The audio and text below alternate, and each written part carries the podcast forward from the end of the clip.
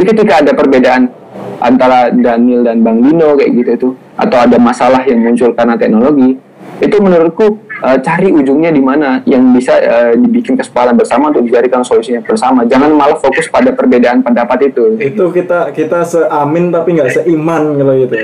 Seamin yang jadi pertanyaan adalah kira-kira nih kita kan punya uh, kiblat teknologi Silicon Valley-nya kan sana ke sana kan ke Amerika Serikat kan. Hmm. Sedangkan siapa tahu nih dengan adanya kayak WFH kayak sekarang di mana orang bisa kerja di rumah, jangan-jangan kita nggak perlu nih bikin satu markas khusus karena kita sudah terintegrasi secara sistem secara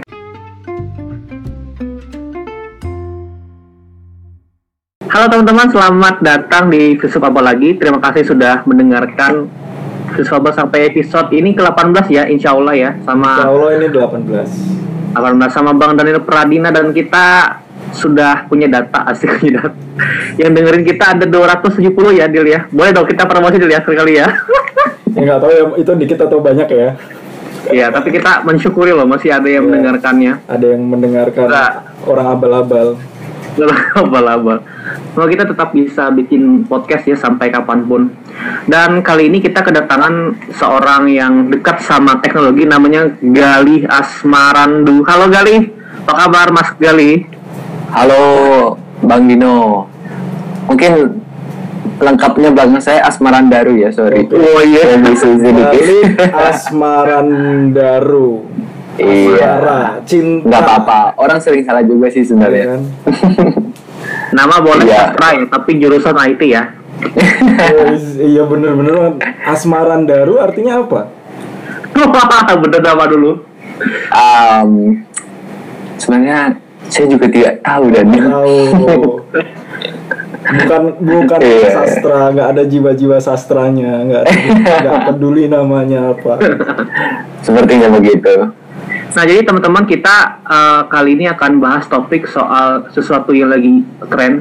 Mungkin sudah hampir berlalu tren, tapi ini bakal jadi mungkin perbincangan yang sangat menarik ya, yaitu tentang teknologi ya, terutama tentang rencana pemerintah mau membangun Silicon Valley. Benar ya ejaannya ya, Silicon Valley ya? Iya. Indonesia-nya Bukit Algoritma. Bukit Algoritma. Nah, ini uh, teman kita Galih dia adalah seorang seorang apa ya? Hmm. seorang apps developer ya sekarang dia sedang kerja di satu startup. Nanti dia, dia akan kenalan tapi juga dia menariknya pernah uh, magang ya di Apple. Gokil. Gokil. Apple, Apple Academy sih sebenarnya jadi student nah, bukan di Apple-nya langsung ya. Oh, Apple Academy. Ini aku kalau ngomongin teknologi kok rasanya kayak tua banget ya kayak nggak nyambung gali. Yeah.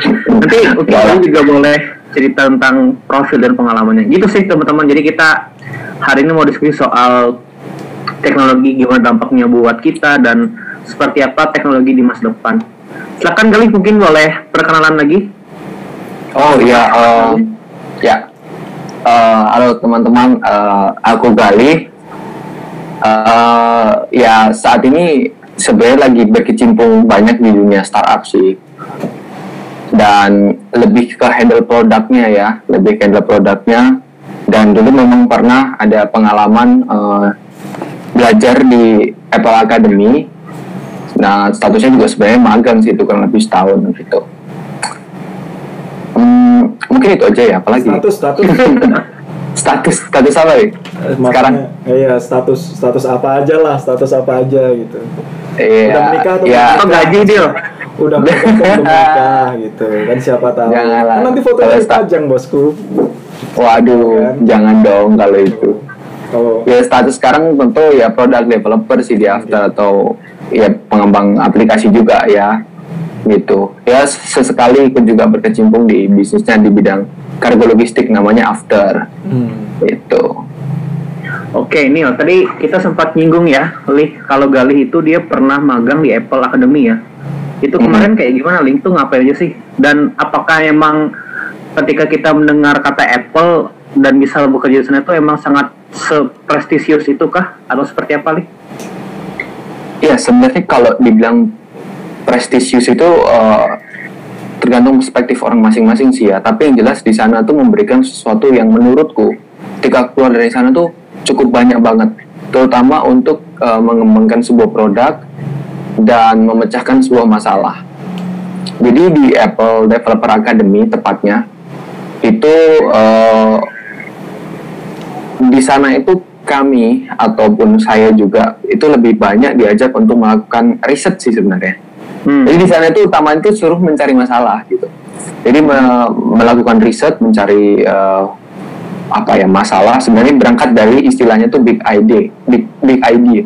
Jadi ide besarnya itu apa, terus nanti di uh, dijabarkan. Jadi untuk menemukan sebuah problem itu biasanya startnya dari bertanya dulu nih dengan big tentang big idea nih, bertanya dulu mengumpulkan sebuah pertanyaan begitu banyak nanti sampai kepada uh, jawaban setelah jawaban membuat sintesis biasanya dari situ uh, dari sintesis itu biasa kelihatan problem lalu didesain jadi sebuah solusi dan biasa div, uh, divalidasi ulang solusi itu. Nah untuk proses setelah divalidasi ulang dan kita biasanya create solusi itu. Terkadang menggunakan teknologi langsung coding seperti itu buat aplikasi. Terkadang juga sebenarnya pendekatannya uh, bisa jadi tidak. Jadi di Apple Academy itu mengarahkan uh, kami untuk uh, belajar bagaimana uh, berpikir logik, berpikir uh, critical thinking ya untuk memecahkan sebuah masalah, mendapatkan solusi gitu. Nah proses itu dikenal cukup uh, umum buat kami itu sebagai challenge based learning sih. Itu kurikulumnya ya dalam tanda kutip. Kurang lebih sih uh, seperti itu dan ya mungkin dari sih yang bisa aku cerita sedikit itu kalau sama pelajaran TIK di sekolah lebih keren mana nih TIK teknologi Waduh. informasi dan komunikasi Aduh. Yang belajarnya Word ya. Iya. Belajar ngerti. Kita keluar, keluar, keluar kelas dulu baru ke masuk ke ruang komputer. Iya. Sama-sama kerennya. Tapi kalau TIK itu lebih fokus sekali kawan nih lebih fokus enggak cari aman aja sebenarnya sebenarnya itu lebih ke fokus teknologinya kalau di sini itu uh, lebih ke fokus bagaimana menggunakan teknologi justru untuk uh, memecahkan sebuah masalah gitu hmm. kayak gitu sih tapi emang udah tertarik teknologi itu dari kapan Lee? sebenarnya dari kecil dari kelas 5 SD saat pertama kali kenal komputer dan internet ya uh. kayak gitu tapi dalam pengembangannya aku sendiri juga ya terkadang ke situ tapi juga jarang lebih dulu lebih sering ke aktivitas-aktivitas lain hmm. cuma mendekati uh, kuliah apa SMA itu semakin tertarik dengan teknologi itu sebenarnya bukan karena teknologi itu sendiri tapi karena bagaimana teknologi itu dibuat. Karena dulu aku inget banget uh, orang tuaku itu pernah beli buku yang sebenarnya dulu tuh sebenarnya uh, iseng aja kayaknya belinya itu. Karena uh, aku juga nggak tahu kenapa beli buku itu tapi begitu aku baca itu tentang uh, asal usul apa komputer sih sebenarnya. Begitu baca aku cukup interest gitu. Sehingga juga jadi pertimbanganku untuk milih kuliah IT sih sebenarnya waktu itu. Uh, gitu. Terus mm khususan ke apa web developer ini, development ini ke, mulai kapan?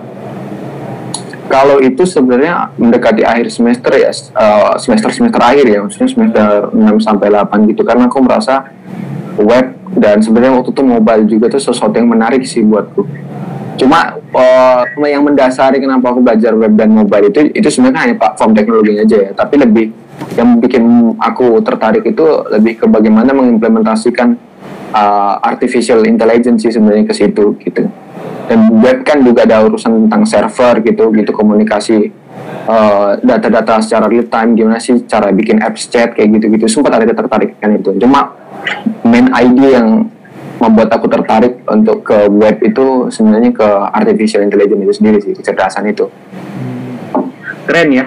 Kalau misalnya Galih nih magangnya di kantor-kantor pemerintah di daerah-daerah nih cuma bisa disuruh ini maksudnya rapat gitu kan biasa gitu.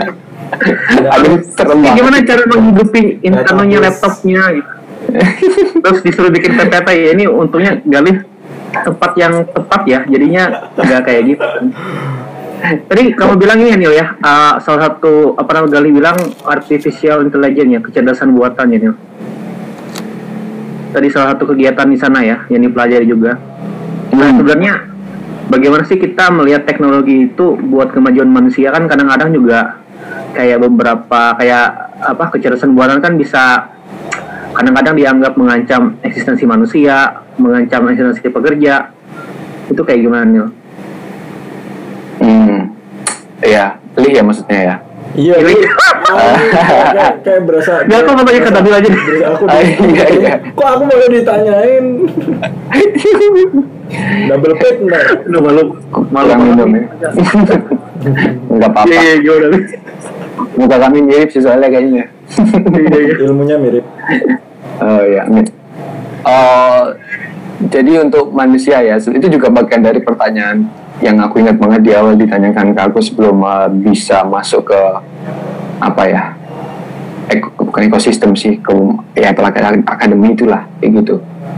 Jadi kalau dari perspektifku sebenarnya teknologi itu uh, ya harafiahnya kan membantu um, manusia sih pekerjaan-pekerjaan manusia kayak gitu. Yang mana nggak seputar sebenarnya tentang komputer juga sih sebenarnya kan komputer itu bagian aja dari teknologi itu. Tentu tentu sangat-sangat uh, berguna buat manusia sangat-sangat menguntungkan manusia tapi semua berangkat dari gimana cara manusia itu menggunakan kayak gitu sih. Kalau kalau sekarang kan nih uh, apa namanya kita kan masuki apa revolusi industri 4 4.0 ya. Hmm. itu sebenarnya apa sih empat poin maksudnya revolusi industri 4.0 itu sekarang tuh kayak apa? Kalau misalkan 1.0 itu kan apa penemuan mesin uap itu kan? Iya betul iya. terus dua tiga apa? Aku juga nggak ngerti ya kurang lebih kalau kedua ini listrik. Nah, listrik, listrik electricity energy. James terus ketiga itu penemuan komputer kan? Automation ya yeah. komputer automation dan elektronik. Yeah. ya kalau yang poin oh ini atau sebutannya 4.0 ya. Oh, yang aku ketahui sih ya itu sebenarnya tentang ini apa namanya ya di situ masih ada automation juga bicara tentang automation tapi tambahannya tuh ada soal big data cloud computing autonomous IoT gitu-gitu Internet of Things terus apa cyber physical gitulah cyber physical gitu-gitu. Yang sebenarnya uh, sedikit lebih di bukan di atas ya sedikit lebih menggunakan uh, kecerdasan buatan juga sih kalau menurutku banyak di sini sama kemampuan-kemampuan internet melakukan komunikasi data secara real time itu. Hmm. Termasuk relasinya itu bukan hanya tentang artificial juga tapi tentang data ya. Jadi data yang banyak itu diolah dengan kecerdasan itu untuk menemukan sebuah pengetahuan baru kayak gitu. Bukan tujuannya tujuannya salah satunya yang paling terkenal itu ada data mining. Data mining kan sebenarnya salah satunya untuk menemukan sebuah pengetahuan baru dari habit uh, seseorang atau habit-habit data-data itu kayak gitu. Sederhananya sih kayak ya misalnya ada orang sering beli di toko A gitu. Kita bisa tahu alasan kenapa orang itu beli di situ. Jadi kayak setelah kita tahu, kita bisa membuat sebuah keputusan tuh tentang pengetahuan itu ketika orang itu sering belanja di situ kayak gitu. Itu bisa meningkatkan market bisa juga meningkatkan sesuatu yang sebenarnya harusnya mengarah ke lebih baik kayak gitu. Oh kayak aku tuh pernah tahu soal transportasi misalkan kan hmm. kan card tapping ya pakai kartu kan itu yeah. apa namanya uh, jadi bisa di di track kebiasaan dalam satu kota itu warga itu ke mana aja gitu kan terus kebiasaan Betul. per individu ini kebiasaannya ke mana? Jadi bisa diperkirain e, misalkan nanti soal subsidi dari pemerintah berapa gitu kan. Terus jumlah armadanya yang harus disediain berapa terus karakter iya. orangnya misalkan ternyata rute ini sampai rute ini banyak kan lansia nih berarti bisnya yang harus disediakan bis yang ramah lansia. Itu kayak gitu berarti ya? Pengaruh pengaruhnya sampai kayak gitu ya? Pengambilan keputusan tuh yang dimaksud ya? Betul betul betul pengambilan keputusannya sampai kerana itu. Dan sebenarnya technically yang paling sederhana uh, untuk bisa membuat sebuah keputusan itu biasa kan algoritma itu menemukannya dengan cara mengklasifikasikan. Atau dia uh, dia ada juga yang melihat pola kayak gitu. Atau mengklasifikasikan atau mengelompokkan biasanya. Hmm. sehingga dari kelompok-kelompok itu atau dari klasifikasi klasifikasi kan kita bicaranya sudah ada labelnya. Misalnya orang yang A atau orang yang B tapi kalau kelompok itu kan biasanya itu jadi pola gitu oh hmm. pola pola yang sebelah kiri ternyata polanya lebih banyak orang-orang yang begini nih nah itu jadi bisa sebuah keputusan kayak gitu hmm. itu untuk dari data-data banyak itu dibentuk sebuah pola atau di, diklasifikasikan itu menggunakan kecerdasan itu sih okay. kayak gitu prosesnya juga cukup banyak Kalau misalkan nih bayanganmu nih, Li, eh, Hmm. sekitar 5 mungkin 5 sampai 20 tahun lagi itu revolusi industri 4.0 ini eh, bentuk nyatanya yang bisa kasat mata nih apa sih? Misalkan yang kasat mata yang kita lihat atau malah malah justru udah beralih ke 5.0 aku nggak ngerti. Kasat matanya apa? ya sebenarnya yang bagian ini aku kurang tahu banyak sih ya akan uh, 5 sampai 25 tahun ke depan gimana. Tapi kalau start, start dari yang 4.0 aja yang ku tahu juga kan uh, 4.0 ini juga fokusnya di bidang makanan, minuman, uh, tekstil, otomotif, elektronik, bahan uh, kimia seperti itu bahan baku ya. Terus urusan-urusan tentang uh, industri kecil menengah kayak gitu-gitu kan.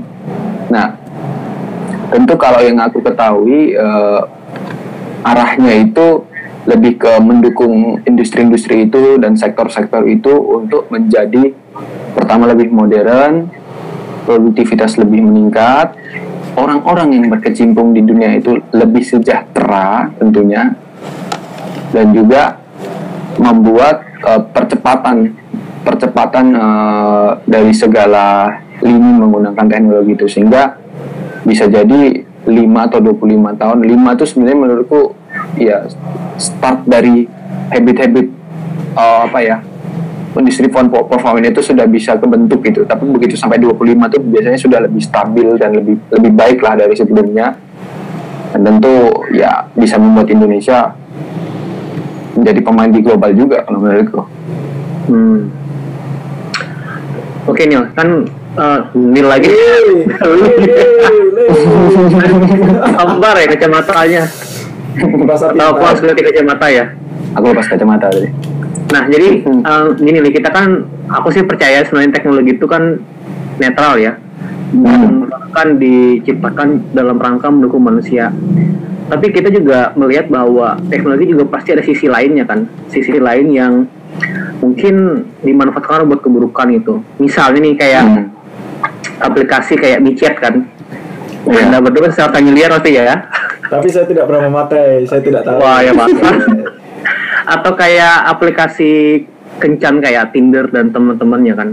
ya Bahkan juga ada kan aplikasi khusus buat pasangan sejenis juga ada kan sebenarnya kan. Ah, Nah, sebenarnya kan itu tuh kan netral ya dalam artian itu kan penggunanya tuh di dalam tuh. Em, kita nggak bisa bilang kalau micet diciptakan dari awal buat menjadi sarana prostitusi online kan nggak bisa juga kan karena memang tidak seperti itu kan. ya Karena waktu ketika orang IT nih mereka merumuskan masalah, mereka ada nggak sih kayak eh, memperkirakan atau menduga nih kayaknya nih bakal ada hal negatif nih ke depannya nih soal teknologi ini gitu. ya Gimana ya biasanya? Hmm. Oh, pertama-tama teknologi itu eh, menurutku jangan sampai paradigmanya terbatas hanya untuk orang-orang eksak ya dalam tanda kutip. Hmm. Teknologi seperti aplikasi aja lah atau peng- ngoding-ngoding itu sebenarnya menurutku eh, semua kalangan harusnya ngerti gitu. Sehingga kalau misalnya kita menyamakan perspektif ketika membuat sebuah coding itu kan sebenarnya uh, bicara tentang uh, membuat sebuah logika gitu kan. Nah, ketika membuat logika dalam pemrograman itu sampai dia bisa berjalan, itu banyak dari misalnya kayak aku deh, aku eksekutor atau aku developer waktu aku jadi developer itu aku hanya mengakui mengikuti lebih banyak kan itu jika maka gitu. Kalau begini maka begini, kalau begini maka begini. Itu kami mengikuti biasa berdasarkan uh, proses bisnis, ya kan? Hmm. Aku juga juga ketika develop produk aku juga ada bagian ketika memproses uh, development develop bisnisnya juga sih sebenarnya. Jadi aku pernah belajar itu juga jadi be- berangkat seperti itu. Jadi kalau misalnya si developer atau eksekutornya dan pengkreat bisnisnya sebenarnya dua-duanya itu sama-sama tahu uh, arahnya itu uh, memiliki apa ya cabang ke mana gitu. Ini bisa berdampak ap- uh, berdampak apa saja. Tapi biasanya kami fokus pada beberapa hal yang tujuannya untuk memecahkan sebuah masalah kayak gitu Hmm. memecahkan sebuah masalah sehingga ada logi- logika-logika lain yang itu tuh timbul dan muncul itu beberapa dari kami tahu tapi beberapa juga mungkin eh, tahu setelah itu dilakukan iterasi atau direview ulang gitu. Jadi saat ini juga banyak kasus ya uh, Bang Gil dan Daniel hmm. yang yang yang baru-baru ini uh, aku dengar sih tentang ada istilahnya code bias ya.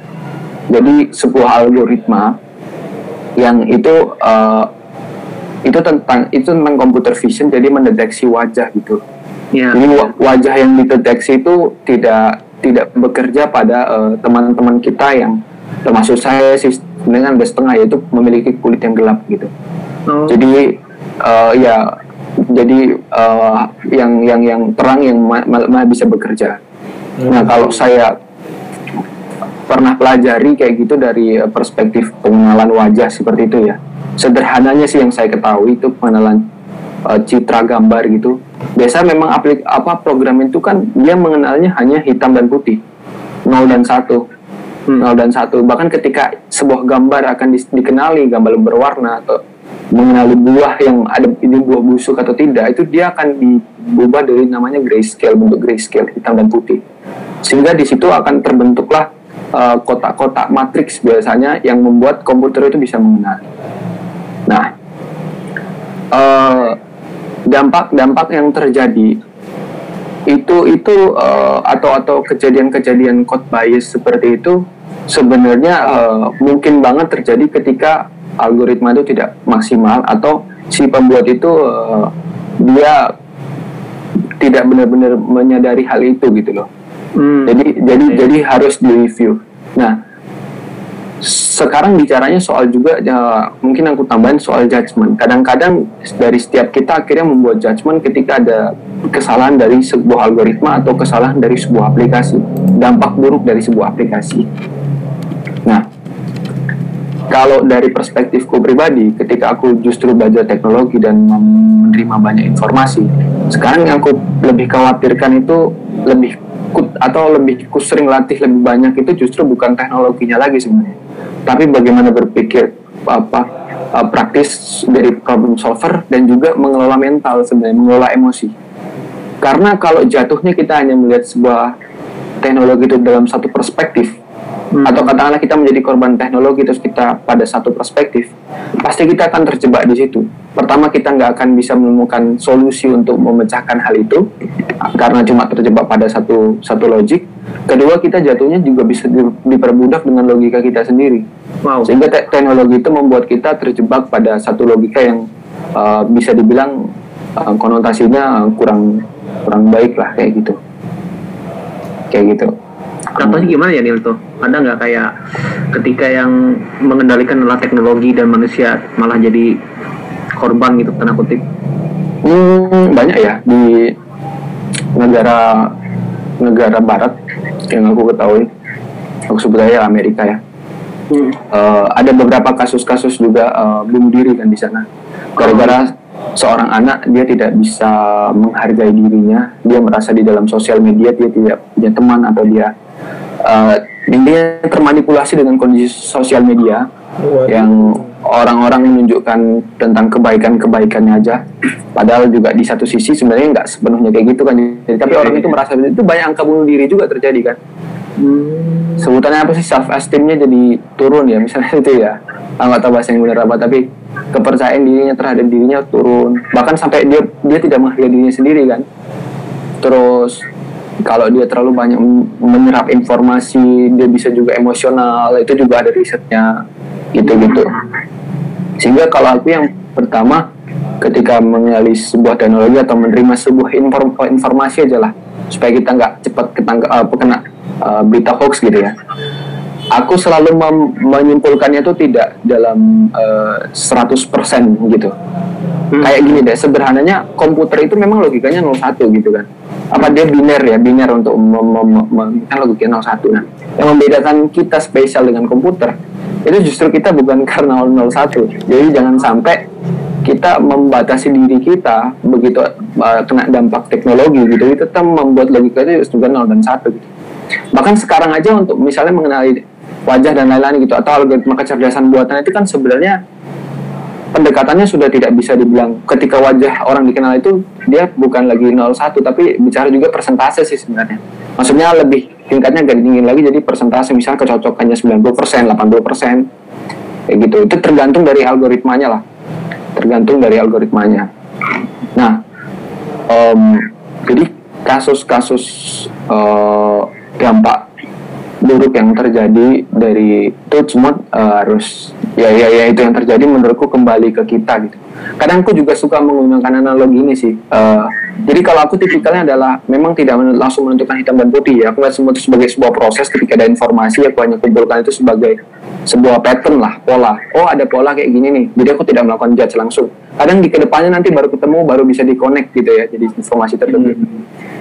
Aku ngambil pendekatan yang sebenarnya sering aku suka dan jadi spiritku juga itu pendekatan matematika juga sih jadi misalnya uh, ada nih angka 4 gitu ya ada angka 4 angka 4 ini bisa diperoleh dari 1 tambah 3 sama 2 tambah 2 gitu. Hmm.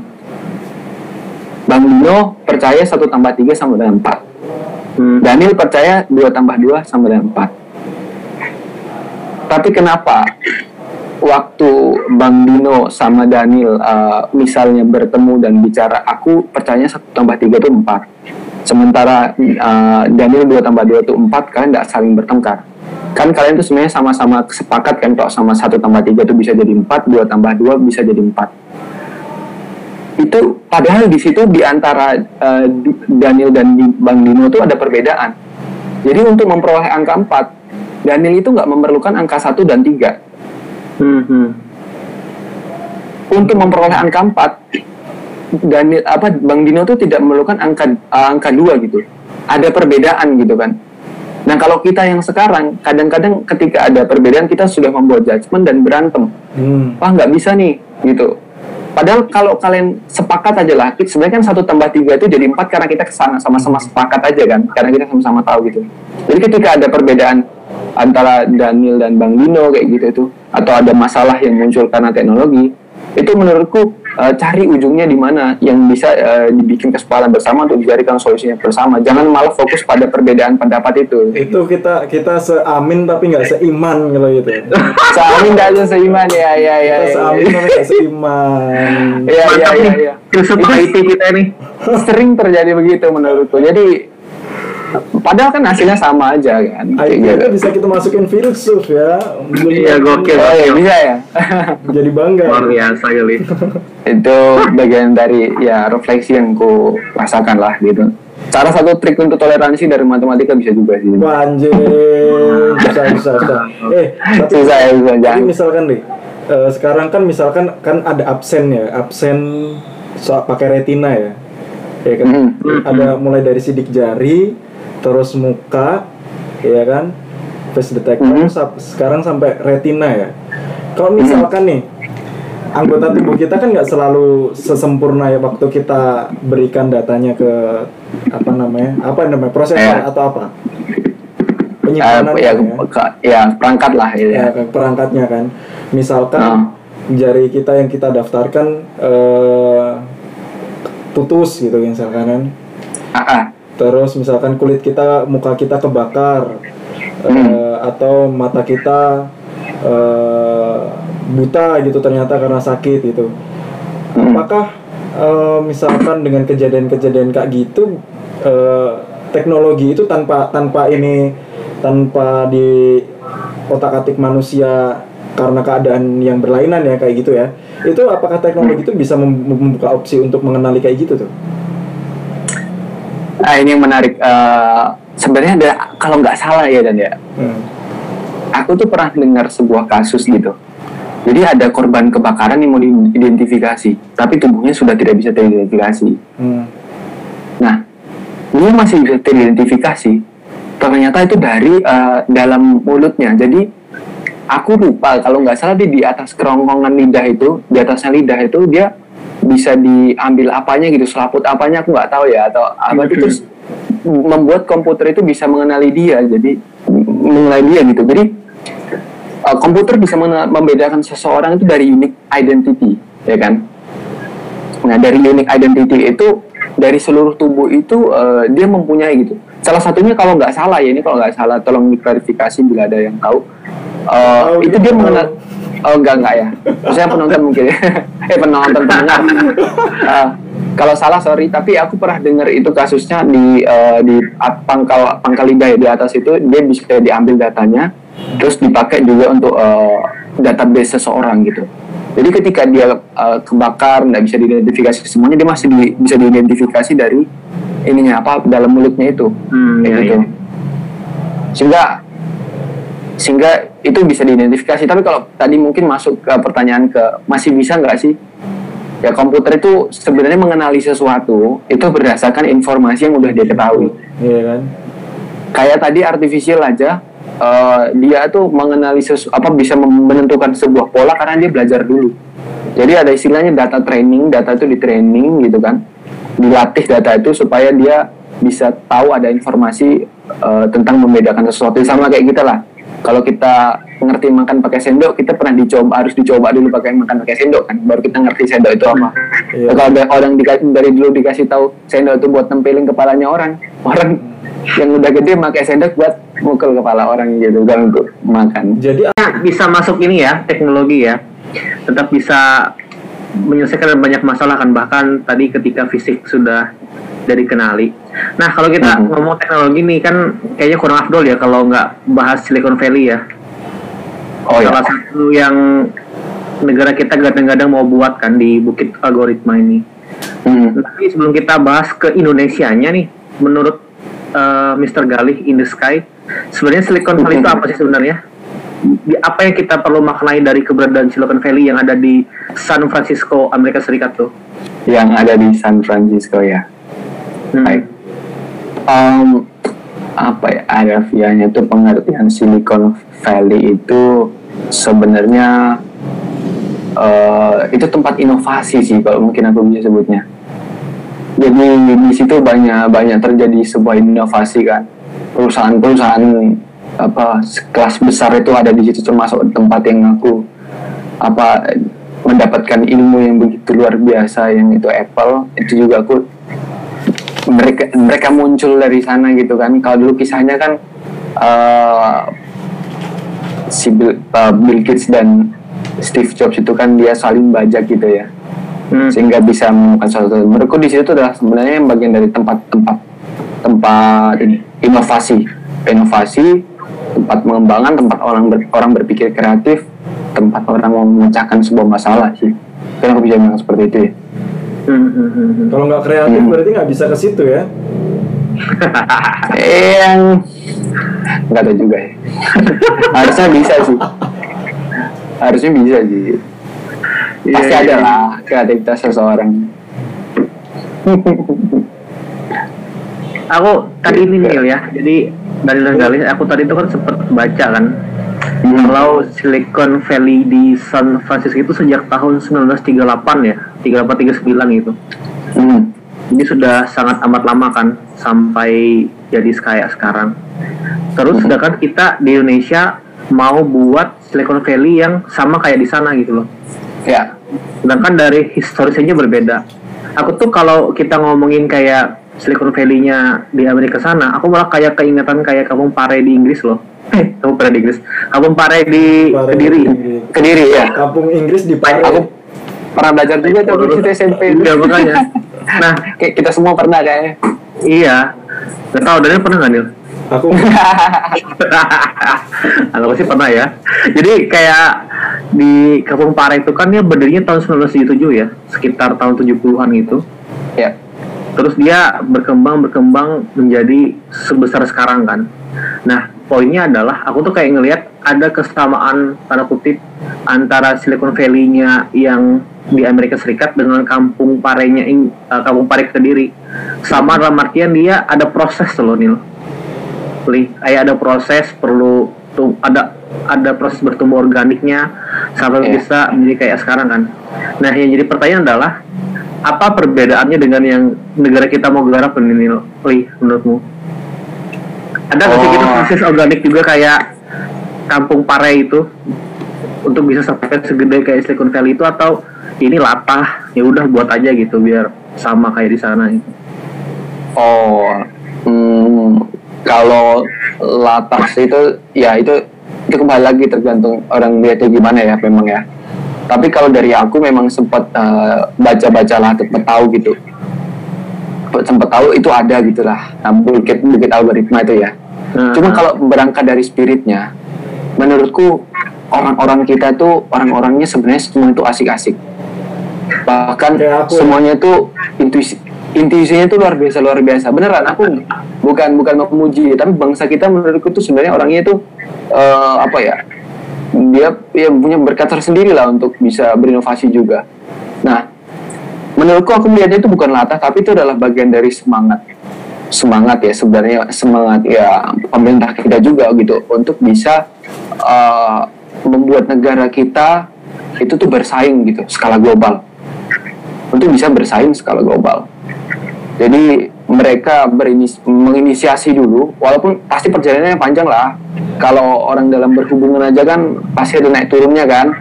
Gitu. Tapi nih? jangan sampai iya, berhubungan apa nih? Hah? berhubungan uh, komunikasi ya, kan? Iya komunikasi, komunikasi ya pacaran seperti itulah ya, ya kan? pensi naik pensi turun gitu kan? Betul betul. Dan jangan sampai tapi uh, yang udah menginisiasi itu dibatalkan dengan pikiran eh, pikiran-pikiran orang yang membuat uh, misi, misi itu jadi stop gitu jadi menurutku ini bukan latah di bagian dari antusias bagian dari semangat orang-orang Indonesia pemimpin kita yang atau orang-orang pengamat-pengamat yang hebat itu yang uh, menginginkan Indonesia itu lebih baik dan bersaing skala global juga gitu. Hmm, hmm, hmm, tapi tapi kita kita kita diskusi ya deh. Uh, tapi bukit algoritma ini kan banyak banyak dapat kritik ya Lia. Bukan bukan okay. soal bukan soal idenya ya. Tapi kan si ini kan digagas oleh Budiman Sujatmiko kan. Oh ya. Budiman Sujatmiko kan namanya kan, bukan yang lain-lain. Pak Budiman. ya. Tapi uh, ini kan kita bicara soal ekosistem teknologi gitu kan. Teknologi nggak bisa berdiri sendiri tanpa dia apa ada faktor-faktor pendukung gitu kan. Setuju kan?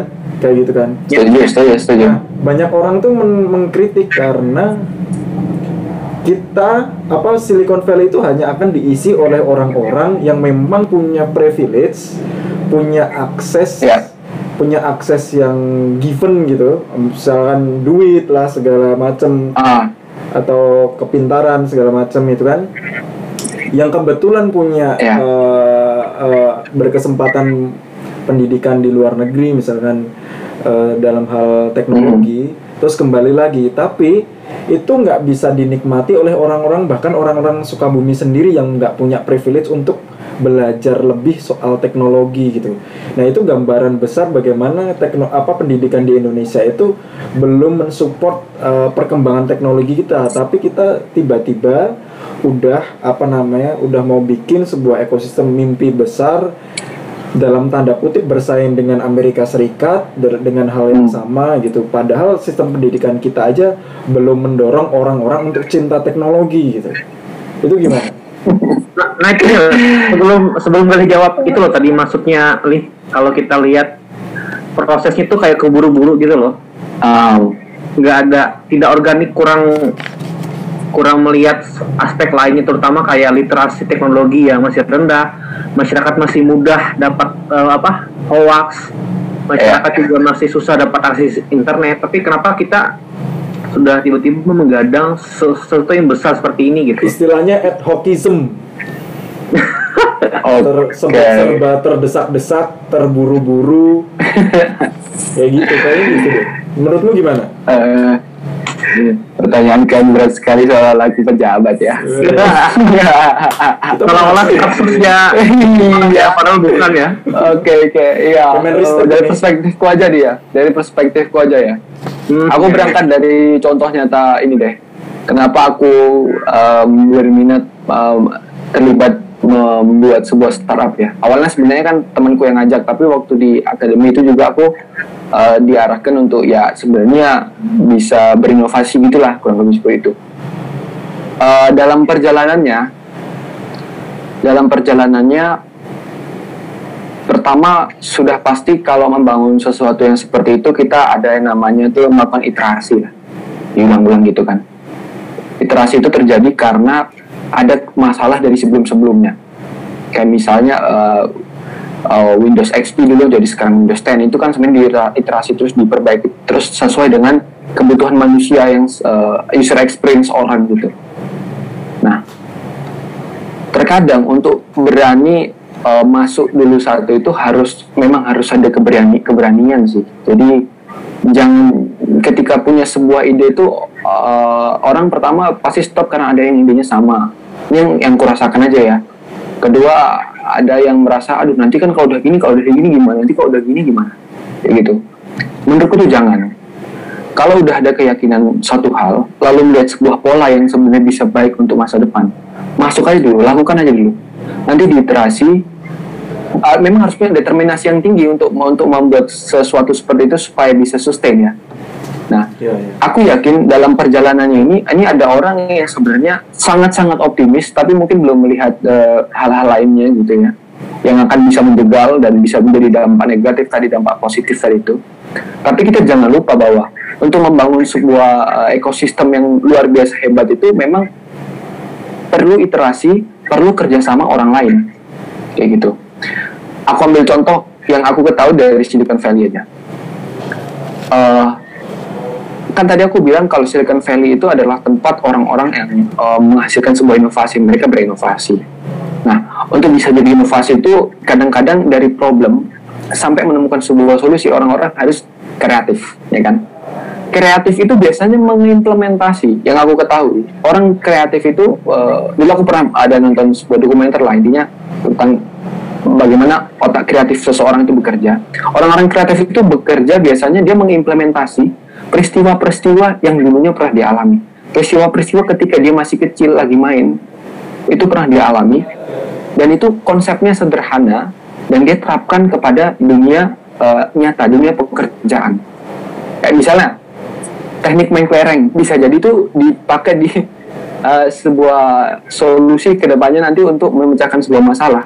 Tapi kadang-kadang itu bisa jadi logika main kelereng itu tidak tidak common untuk pemecahan solusi seperti itu. Tapi itulah bagian dari kreativitas maksudku. Nah, untuk menemukan kreativitas, untuk bisa berinovasi, pasti harus butuh banyak orang dari kalangan berbeda. Pasti butuh banyak orang dari kalangan berbeda. Nah, kalau mereka bicara bukit algoritma atau kita bicara bukan emang hanya untuk orang orang yang punya privilege, punya hak istimewa ya, orang-orang berpendidikan khusus di sana dan bla bla bla itu aku bisa jamin tidak sepenuhnya bisa bersaing dengan uh, pihak pihak-pihak global dan pihak eksternal sekarang. Uh, menurutku itu perspektif ya. Kenapa? Pertama yang gue ketahui di Silicon Valley itu dia berangkatnya itu justru berawal dari keberagaman orang-orang yang beragam, kondisi ekonomi yang beragam, orang-orang yang punya intuisi-intuisi berbeda, bukan karena latar belakang pendidikan.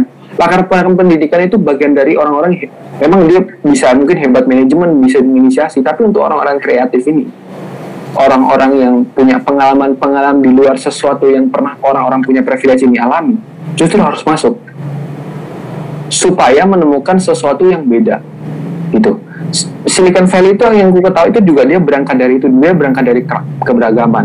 Selain itu faktor keberhasilan lainnya bukan karena hanya semangat aja ya. Mereka juga melakukan iterasi ya tadi aku bilang akhirnya mereka bisa kunci suksesnya salah satunya di situ banyak universitas-universitas yang bagus yang apa berada di situ. Mereka punya uh, laboratorium dan pusat penelitian di tempat itu. Yang kedua tentu adalah uh, mereka bisa menentukan model bisnis yang tepat. Yeah, yeah itu yang aku alami ketika bisnis startup. Jadi kalau tidak bisa menemukan bisnis uh, model bisnis yang tepat di awal itu juga bisa bahaya buat kita gitu. Kita bisa istilahnya pivot atau mengganti ini ya model bisnis kita gitu. Artinya kita mau ulang dari awal. Tapi kalau adanya orang-orang kreatif inovatif orang-orang dari latar belakang yang banyak berbeda ini pasti ada sesuatu ide yang bagus dan baru. Tapi sorry jadi sorry. kenapa? Uh, ah. sorry aku potong tapi lebih baik uh, apa untuk menghasilkan orang-orang dengan ide yang bagus ya dengan semangat yang bagus artinya orang kan perlu literasi ya. Menurutmu hmm. niat dulu dijadiin bukit algoritma dulu baru literasi atau literasi dulu baru bukit algoritma? Sorry yang maksud iterasi perulangan. Oh. Jadi jadi uh, diulang-ulang gitu. Maksudnya ke, ke abis jadi di review ada masalah nih diperbaiki di ke depannya jalani dulu ada masalah diperbaiki ke depannya kayak gitu-gitu kalau menurutku yang paling tepat adalah berani dulu yakin tapi dengan satu apa model bisnis atau satu aktivitas yang uh, punya kerangka itu sederhana sederhana aja dulu. Nanti yang lain-lain nanti berjalan waktu. Justru harus disupport dengan banyak orang yang kreatif itu. Kayak gitu. Mm-hmm. Kita belum lagi bicara soal nanti kalau misalnya menghasilkan itu dengan orang-orang pemodal ventura venture venture capital gitu ya atau orang-orang yang kaya angel angel investor yang punya duit nanti bisa mensupport itu kayak gitu gitu itu juga harus nanti dipikirkan kan nah, itu siapa siapa aja. Aku yakin pemerintah juga pasti akan sudah mikirkan. Cuma dalam berjalannya waktu kan apa ya orang-orang yang punya duit itu kadang-kadang juga uh, yang di anu deh yang di Silicon Valley itu orang-orang yang sebenarnya ekstrim gitu loh. Berani mengambil resiko tuh banget bangetnya gitu. Kalau bahasanya gitu ya gitu jadi itu uh, berjalannya proses gitu. Paling tidak nemu satu kerangka yang bisa dijalankan dulu sederhana. Udah berani melakukan nanti ke depannya diiterasi. Bukan diliterasi ya diiterasi. Literasi kan ini ya penjelasan itu diiterasi. Pasti ada nemu error pastilah. Pasti ada nemu masalah itu pasti. Hmm. cuma gimana tuh determinasi kita untuk kuat terhadap itu dan berkembang dari proses itu asik ya kayaknya next CEO yang akan berkantor di Bukit Agus ah. Gali nih kayaknya. Yang yang, yang, yang di pucuknya di pucuk bukitnya. Tahu bro. Duduknya di kalau kita kroco sekarang. Kroco nanti nextnya CEO lah. Aku kan Daniel, tadi habis juga. baca habis baca berita kan li. Jadi um, hmm. data sekitar bulan Januari 2021 kemarin itu di Silicon Valley itu ada beberapa perpindahan perusahaan. Jadi awalnya mereka berkantor di Silicon Valley, itu mereka pindah nih ke Texas ke tempatnya Elon Musk. Oh iya iya, paling ngerti. Nah, ya kan sekitar 37 perusahaan bahkan 30 itu 39 gitu. Itu data 4 bulan yang lalu ya. Um, bahkan pendirinya, pendiri HP, perusahaan HP itu itu juga pindah yang satu pendiri dari Silicon Valley itu kan. Yang jadi pertanyaan adalah kira-kira nih kita kan punya uh, kiblat teknologi Silicon Valley-nya kan sana ke sana kan ke Amerika Serikat kan. Hmm. Sedangkan siapa tahu nih dengan adanya kayak WFH kayak sekarang di mana orang bisa kerja di rumah jangan-jangan kita nggak perlu nih bikin satu markas khusus karena kita sudah terintegrasi secara sistem secara internet gitu loh kita bisa online apakah memang masih diperlukan untuk membuat semacam Silicon Valley-nya Indonesia Hmm, sebenarnya kalau misalnya untuk mengeksekusi berkolaborasi online itu memang sangat-sangat mensupport ya. Misalnya sudah bisa banget lah kayak gitu. Untuk meng mengeksekusi sesuatu yang sudah sudah jelas sih sebenarnya. Tapi terkadang kalau menurutku untuk menemukan sebuah solusi dari sebuah masalah atau nyari masalah masih paling enak itu ketemu. Kadang-kadang karena orang kalau mencari inspirasi itu justru uh, dia nggak hanya ngendok di WC ya tapi kadang-kadang harus dengan banyak situasi. Entah dia lagi berlibur atau ketemu orang lain. Kadang hmm. solusi juga jumpa dari situ. Menurutku masih tapi untuk eksekutor eksekutornya atau ya eksekutor atau programmer programmernya kadang-kadang bisa saja sebenarnya nggak harus di Silicon Valley itu sih sebenarnya gitu banyak kasus lah orang yang perusahaan-perusahaan besar menurut yang kayak Microsoft aja udah mendapatkan WFA produktivitas pengerjaan meningkat kan tapi itu untuk orang-orang yang eksekusi cuma untuk yang menemukan hal baru orang-orang bisnis dan inovator-inovatornya bisa jadi memerlukan masih memerlukan itu gitu. Hmm. Nah, itu apa namanya ke kekhawatiran kekhawatiran mungkin kekhawatiran yang sama yang akan bisa jadi terjadi di Indonesia kayak gitu. Misalkan karena gini, uh, bukan cuma cuma pendidikannya karena pendidikan itu kan juga by by sistem by by struktur kan tapi Indonesia sendiri kan ini kan idenya Budiman Sujatmiko ya ini kan idenya Budiman Sujatmiko bukan berdasarkan arah riset teknologi nasional gitu Iya. Yeah. Iya kan? Artinya uh. takutnya ini tuh bener-bener nggak sustain gitu loh. Uh. Kan kan duitnya kan duit modal awalnya aja 18 T ya kan? 18 T. 18 hmm. triliun gitu kan. Terus ini ber, apa berdasarkan ide dengan komitmen beberapa orang yang uh, dari hasil bincang-bincang gitu. Padahal sekarang kita eh, dari dulu sih kita udah punya BRIN kan Badan Riset dan Inovasi Nasional gitu kan. Dan sekarang Mhm. udah dipisah dari tadinya gabung sama Kemenristek ya kan. Kemenristek sekarang gabung ke Kemendikbud gitu kan. Nah Ya. di di BRIN sendiri ini nggak ada arah arah arah arah yang jelas soal teknologi. Bahkan kalau mau di mau dibilang ya eh, di struktur di BRIN aja nggak jelas gitu loh. Apalagi nyusun program teknologi arah teknologi yang yang jelas gitu. Terus ang- anggaran anggaran anggaran teknologi itu dikit banget kita.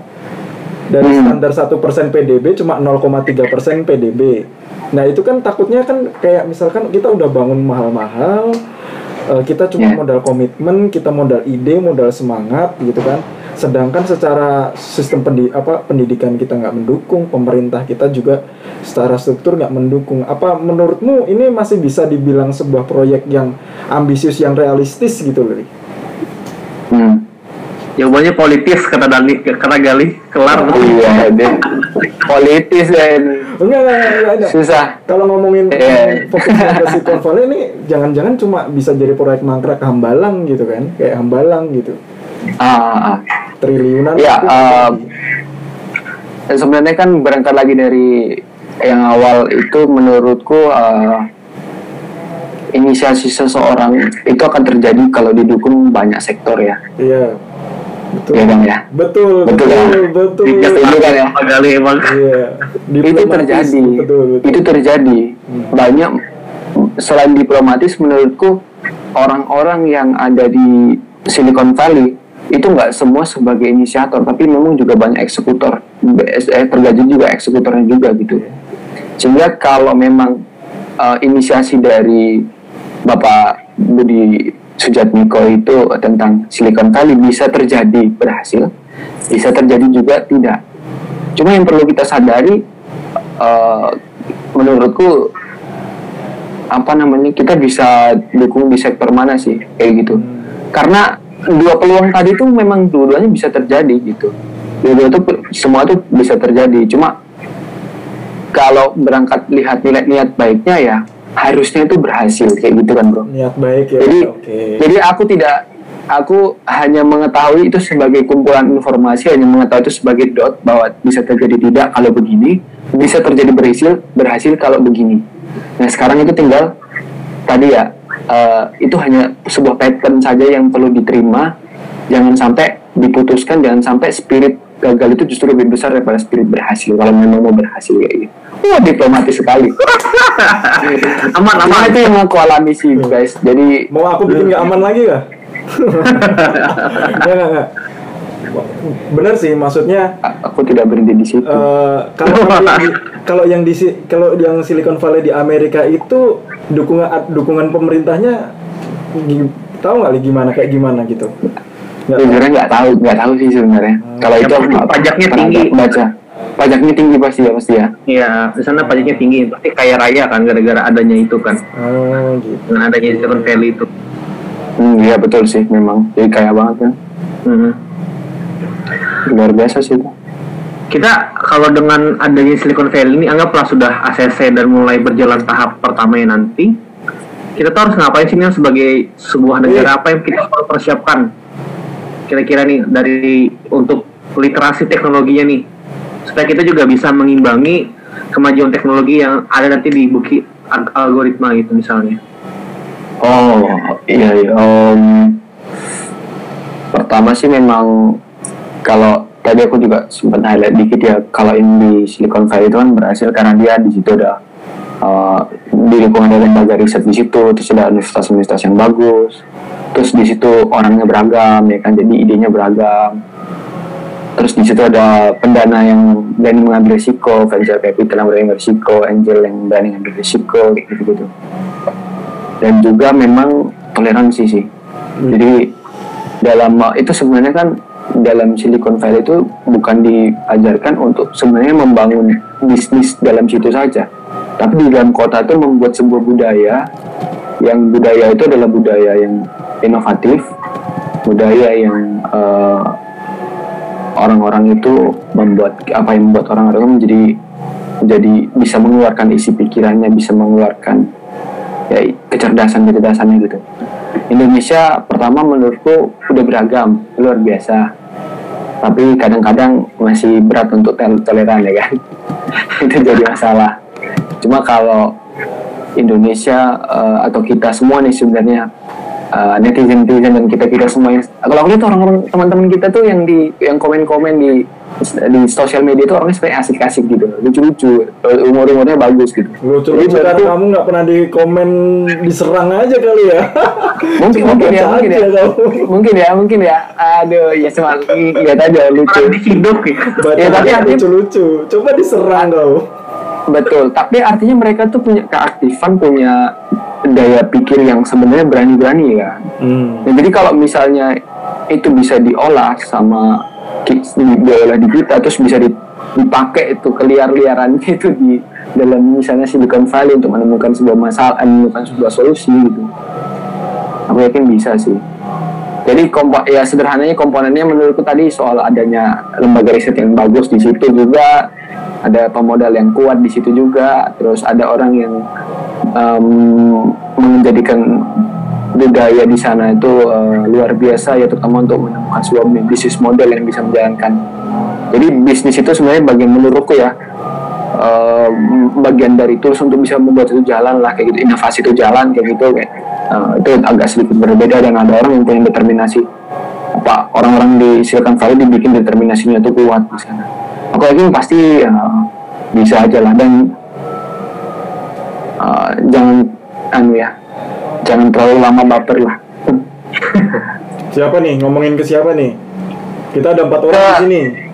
ke kita semua nanti kalau misalnya kita, kita diberi kesempatan diberi kesempatan di sana. Empat orang satunya lagi siapa? Oh, jangan disebut ya. jangan disebut bahaya. Ya intinya intinya aku lihat sih begitu ya hmm. Hmm. Kalau masyarakat biasa gimana nih? Tadi kalau investor iya. dan pemodal. kalau masyarakat biasa nih harus ngapain dengan adanya supaya siap lah kayak gitu tuh. Iya, iya. Kayak kita kita nih masyarakat jelata yang Waduh. nyari nyari nanti buat apa kiri tekanan gimana ya caranya ya di Word gitu tuh. Ya, pertama uh, mungkin buat teman-teman yang uh, unfamiliar ya aku bicaranya tentang uh, seperti ini. Jangan minder sih sebenarnya dengan teknologi atau dengan orang-orang yang berbeli, misalnya dalam tanda kutip berilmu itu. Kalau aku kan sebenarnya juga belum berilmu banget juga. Kebetulan ngerti duluan aja sebenarnya kalau dibilang seperti itu. Jadi kalau aku banyak kok nemu teman-temanku yang hebat di rendah. Enggak, tapi memang aku banyak nemu teman-temanku yang uh, dalam tanda kutip berbeda lingkungan kehidupan denganku gitu ya. Atau kita bisa kelompokkan biasanya tinggal-tinggal di beda itu justru jauh lebih hebat dan lebih pintar.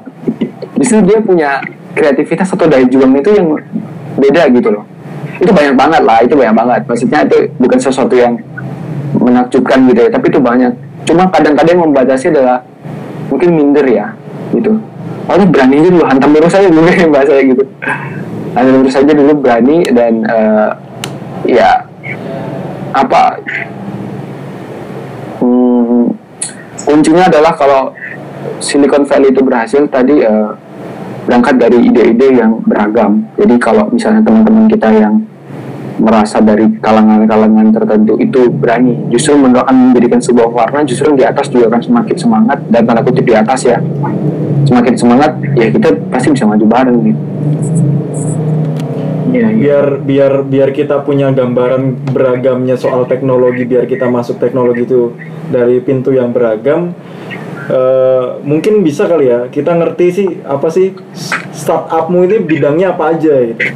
Kayaknya startupmu ini kan banyak nih kayaknya ya. Kayaknya banyak. Enggak lah apa bidangnya apa biar biar kita punya insight gitu. Loh kita punya insight. Oh, iya, iya. oh ini ternyata bisa nih jadi peluang kita masuk untuk ke dunia teknologi gitu.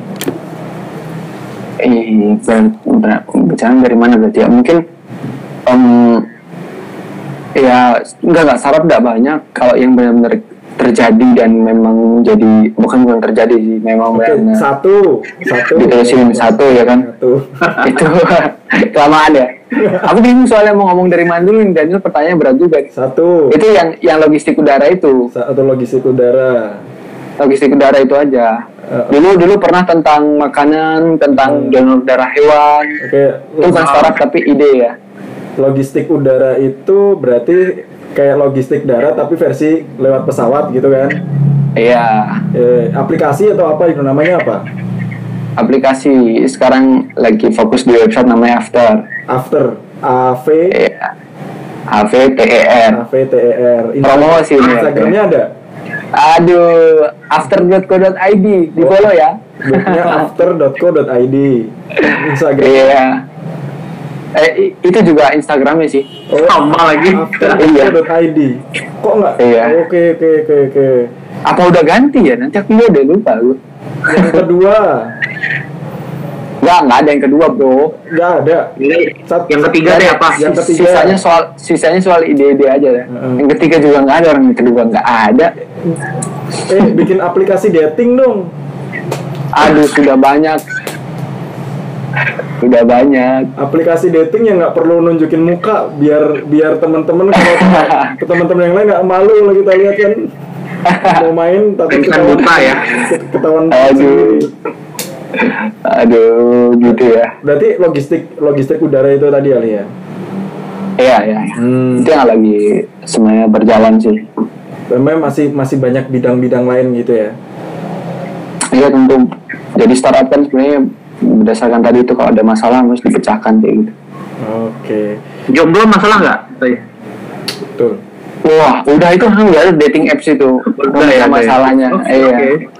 Tapi kadang nggak masalah, cocok jadi- gitu sama dating app-nya gitu ya. Oh gitu ya? Gak tahu.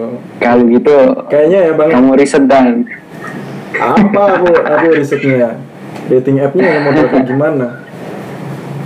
Oke, Li, terakhir nih, apa harapan buat teknologi nih? Terutama buat kita kan juga tahu kalau kita gapnya gede banget nih. Nggak semua orang punya privilege untuk belajar teknologi, atau nggak semua orang punya privilege buat merasakan nikmatnya teknologi nih. Apa harapan nih buat teknologi kita? ya eh, harapannya ada terutama untuk di Indonesia eh, itu eh, teknologi bisa masuk di banyak sektor jadi berkembangannya beriringan terus setiap orang tidak menganggap teknologi itu sebagai sesuatu seperti apa eh, Tuhan gitu ya jangan sampai.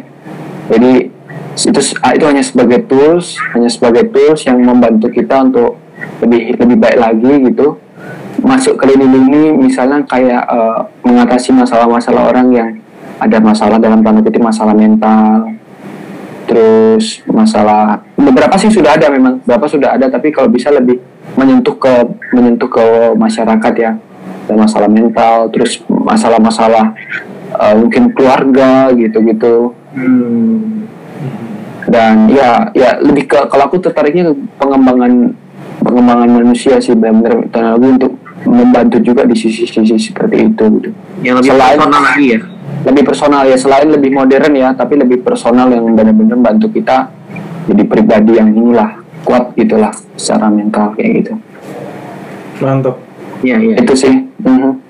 Tap, Nah, pusing kepalaku. cerah. Iya, sama lah pusing juga aku dan Tapi pertanyaanmu berat-berat kan saking beratnya aku yang pusing, bukan kau, bukan bukan bukan yang di narsum yang pusing. oh iya Yang di belakang tadi nggak pusing tuh, Nil. Emang pernah mikir? Sembarangan dia? ya orang Kan Eh, open di- book, kan aku tidak membaca apa yang saya tanda tangan. oh gitu ya Oh, Anda memperjelas ya, Pak. Loh, aku kan nggak nggak nyebut siapa-siapa kan? Oh, iya. Siapa? Walaupun jelas ya. Aduh janganlah itu orang hebat itu hebat hebat Oh, hebat hebat harus diakui hebat hmm. iya dalam hal tertentu. iya Iya hebat. setuju Melihat matahari, mampu melihat matahari.